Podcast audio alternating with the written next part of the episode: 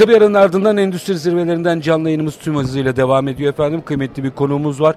Firmanet Yazılım ve Teknolojiden doçent doktor Hasan Sencer Peker bizlerle birlikte.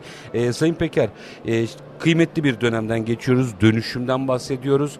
E, ama aynı zamanda eş zamanlı, dünya ile eş zamanlı bir dönüşümden söz ediyoruz.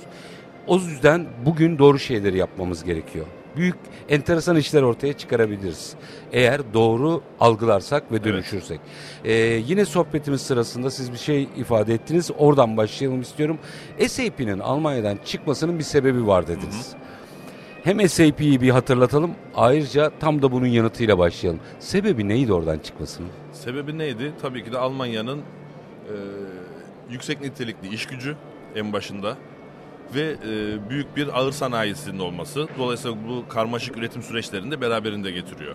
Onların bunu yönetmesi gerekiyordu. Dolayısıyla fikir olarak buradan çıkması, bir ihtiyaç olarak orada doğması ve daha sonra bu şekilde ilerlemesi gayet beklenebilir bir şey aslında.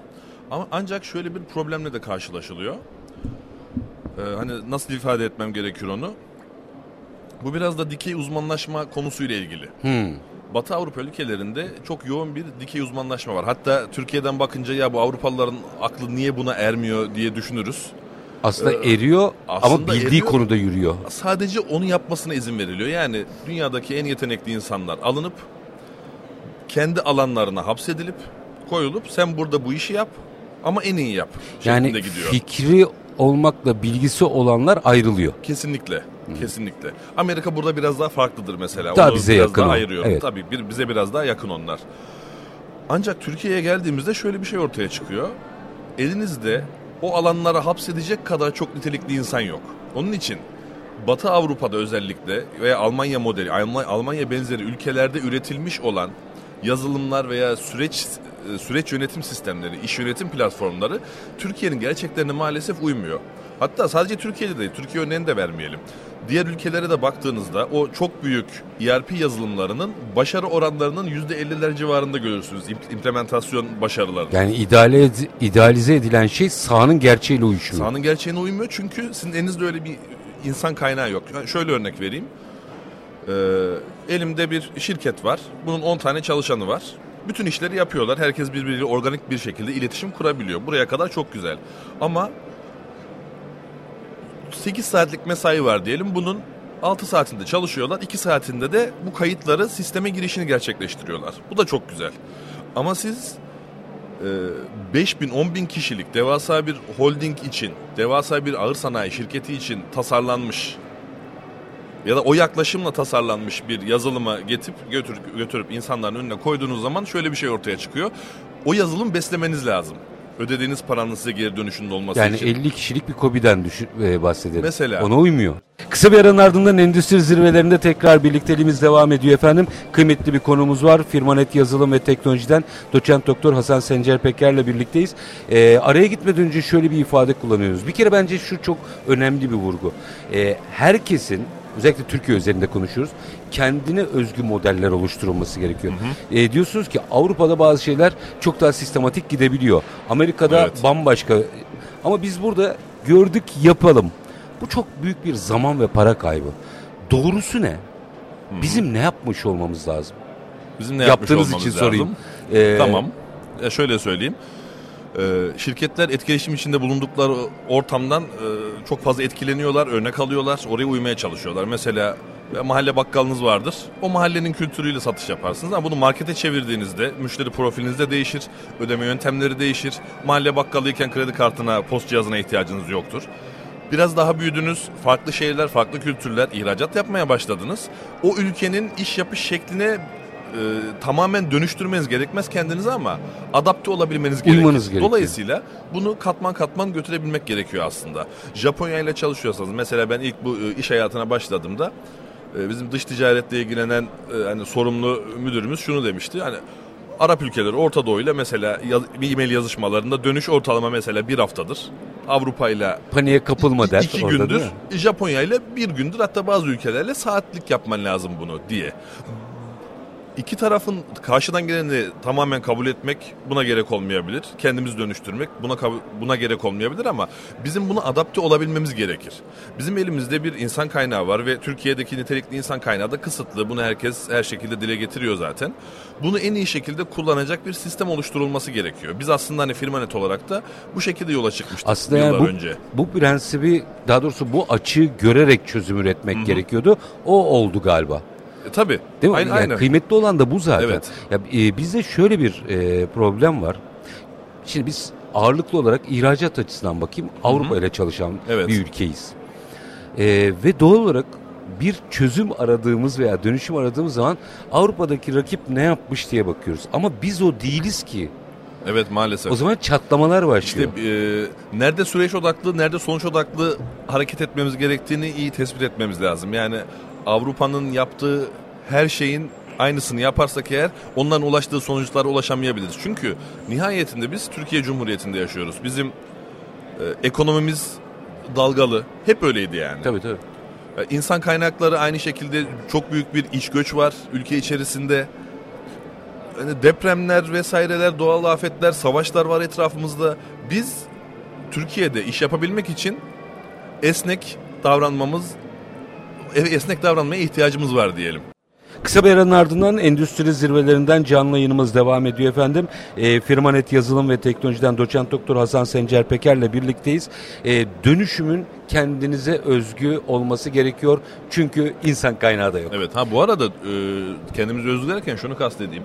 Ulaşılacak yol, e, ulaşılacak nokta, hedef, destinasyon zaten herkes de aynı. Tabii metodolojiden bahsediyoruz. Yok. Sadece usul, yöntem Tabii. burada farklıdır her firma için. Yani, yani özel, her firma bile demeyeyim şey için e, her, her ülkede iş yapış şekli, iş kültüründen dolayı farklılıklar az etmesi gerekiyor. Türkiye için bir özel durumdan daha bahsedeyim.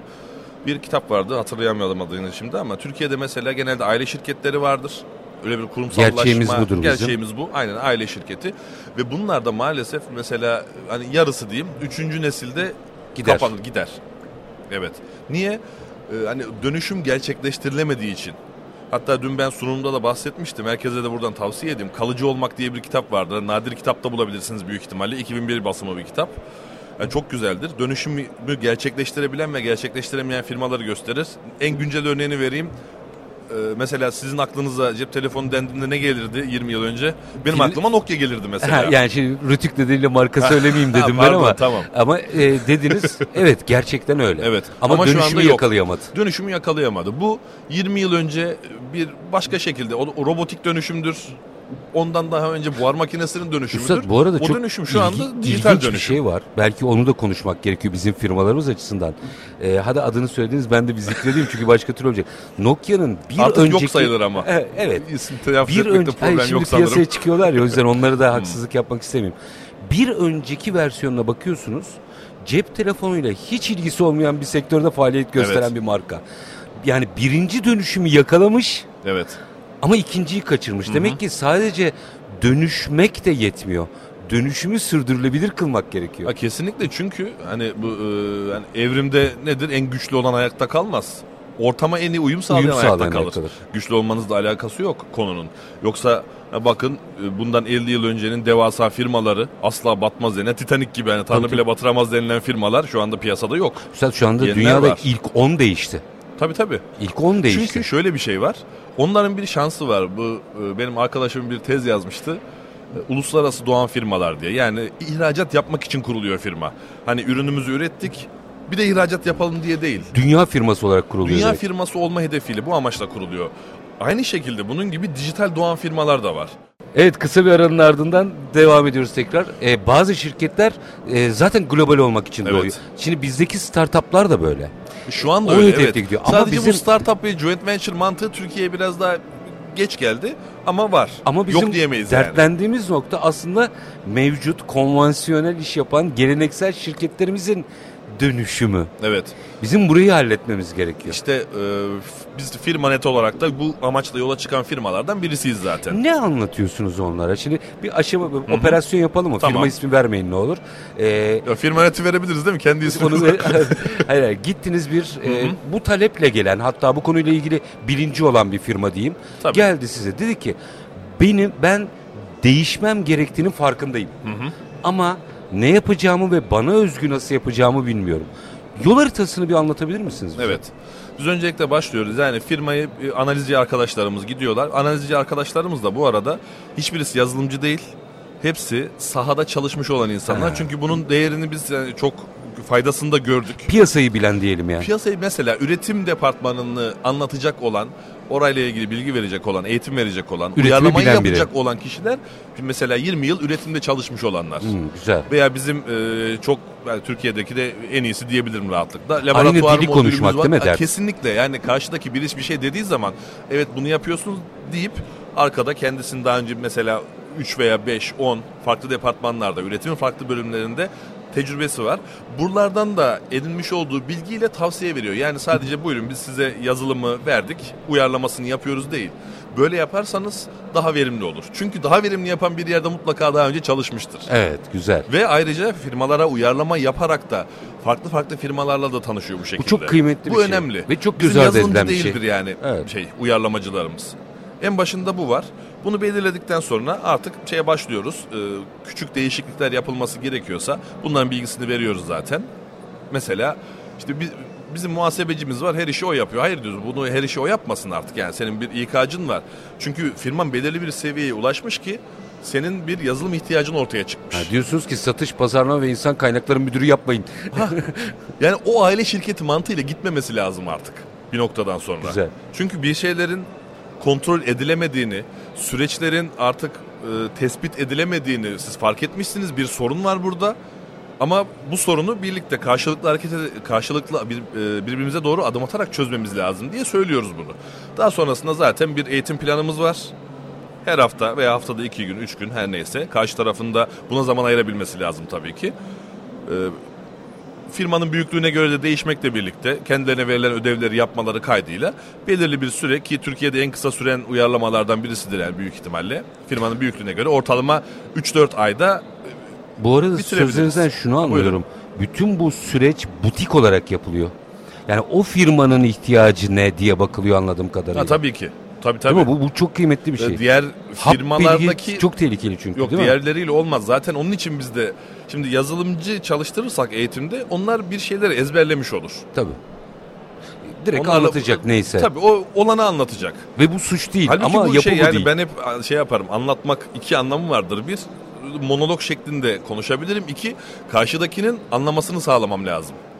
Anlatmaktan benim anladığım bu en azından. Yaşayın. Karşıdaki bunu anlıyorsa tamam. Sorunlar olabilir çözeriz karşılıklı. Herkes bir adım atar. Tavizler verilir. Ama bu işin bir şekilde ilerlemesi lazım.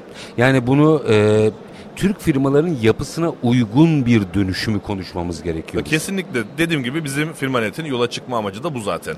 Çünkü şöyle söyleyeyim. Biz daha önce e, doğduğumuzdan beri doğduğumdan beri ben en azından ERP sektöründe değildim Tabii. zaten. Özellikle enerji sektöründe faaliyet gösteriyordu. Bizim biz bir grup firmasıyız.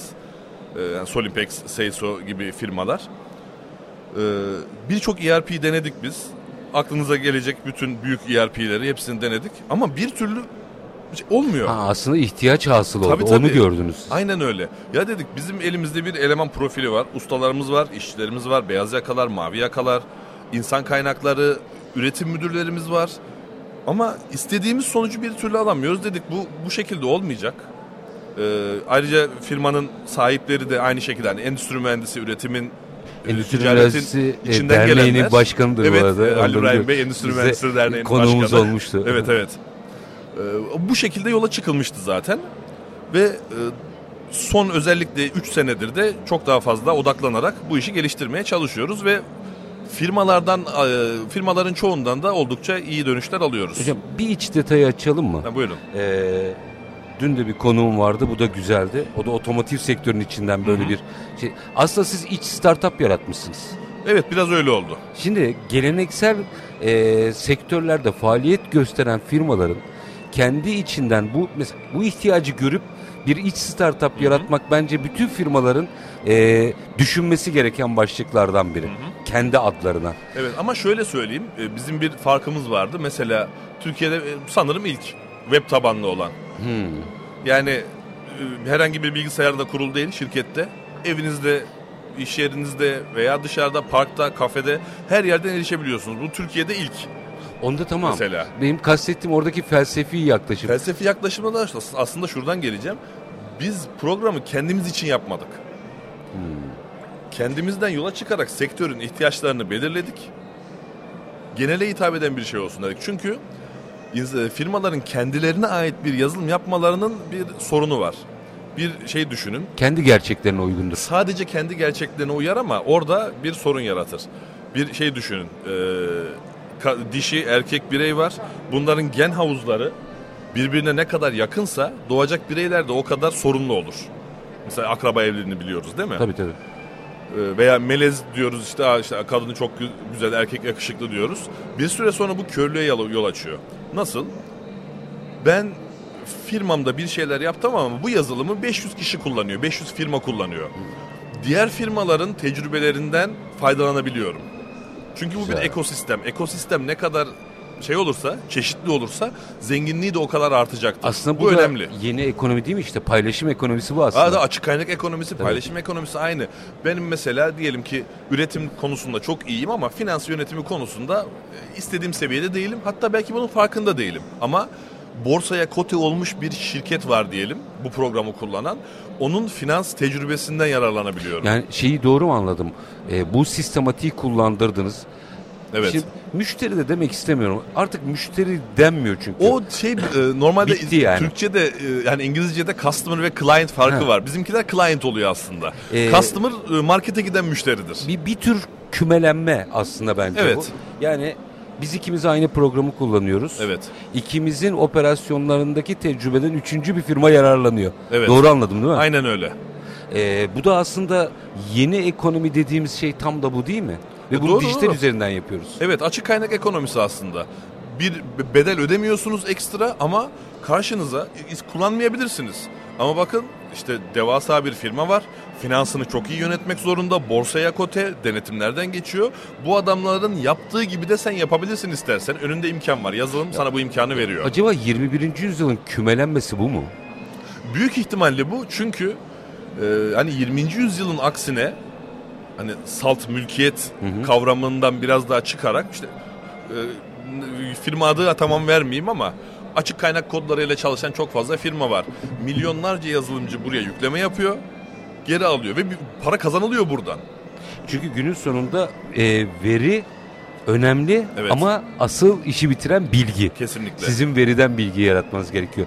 E, süren bitti. Bir, bir dakikada da şu mesajı vermenizi e, rica edeceğim ne tarafından vermek isterseniz o taraftan da ama e, firmalar bu dönüşümü yakalarken kendilerine özgü modellerle adım atmak için önce hangi ezberlerini bozmalı? Ben yine aile şirketi modelinden gideyim aslında. Bizim gerçeğimizden gidelim. Evet. Ee, büyük ihtimalle dede kurmuştur firmayı, çok çabalamıştır, gece gündüz uğraşmıştır. Ve haklıdır da değişim istememekte. Nasıl haklıdır? Bedelini hani, ödemiştir. Bozuk değilse tamir etme diye bir söz vardır ya. Aynen öyle. Elimde çalışan başarılı olmuş bir model var. Ben bunu niye değiştireyim? Ama mesela ben 40 yaşındayım. Benim kızım işte 11 yaşında. Allah başlasın.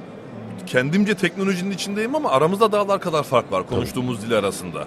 O mevcut yapıya ve alttan gelen o nesil bu e, ekosistemin bireyi olacak. Onun doğalı benim öğrendiğim. Evet. Aynen öyle. Şimdi ben tam ben bugüne kadar nasıl geldim? Evet başarılıyım. Tamam niye değiştireyim ki bir şeyi? Ama evet ben değiştirmiyorum ama etrafım değişiyor, çevrem değişiyor, ekosistemim değişiyor. İkinci nesil geliyor, farklı bir şey var. Üçüncü nesil geliyor, farklı bir şey var. Üçüncü nesil, dördüncü nesil aynı şeyi yaptırmaya çalıştığınızda şirketin sahibi kalmıyor ortada. Çünkü Benimsemiyor işi. Benimsemiyor. Ee, onu zaten dışarıya göndermişsiniz. Hani şirkette sizinle birlikte aynı tecrübeleri yaşamamış, şirketi aynı şekilde sahiplenmemiş oluyor. Bir değişim yapmak istediğinde yukarıdan dirençle karşılaşıyor zaten. Maalesef bunlar şey problemler ama bu problemlerin aşılması lazım. Almanya'nın, Amerika'nın problemlerini aşmak değil mesele. Bizim bu problemi aşmamız Yaşayın. lazım. O kadar güzel bir şey söylediniz ki kulakları çınlasın. Türk-Çin e, iş e, insanları derneği başkanı Çin'de çok enteresan bir şey söylemişti bizim yayınımızda reel piyasalarda. E, burada çok sayıda Türk var demişti. E, ne diye sormuştum. Burada bir üst kuşağı kendini anlatamayıp Çin'e gidip şirket kuran Türk çocukları. Evet. Onları burada tutalım. Aynen öyle. Kesinlikle. Bütün mesele bu. Kesinlikle. Ee, efendim Firmanet Yazılım ve Teknolojiden doçent doktor Hasan Sencer Peker çok teşekkür ediyorum. Ben çok teşekkür keyifliydi, ederim. zihin açıcıydı. Ee, çok çok teşekkürler. Sağ Var olun. olun. Kısa bir ara aranın ardından endüstri zirvelerinden canlı yayınımız devam edecek. Lütfen bizden ayrılmayın.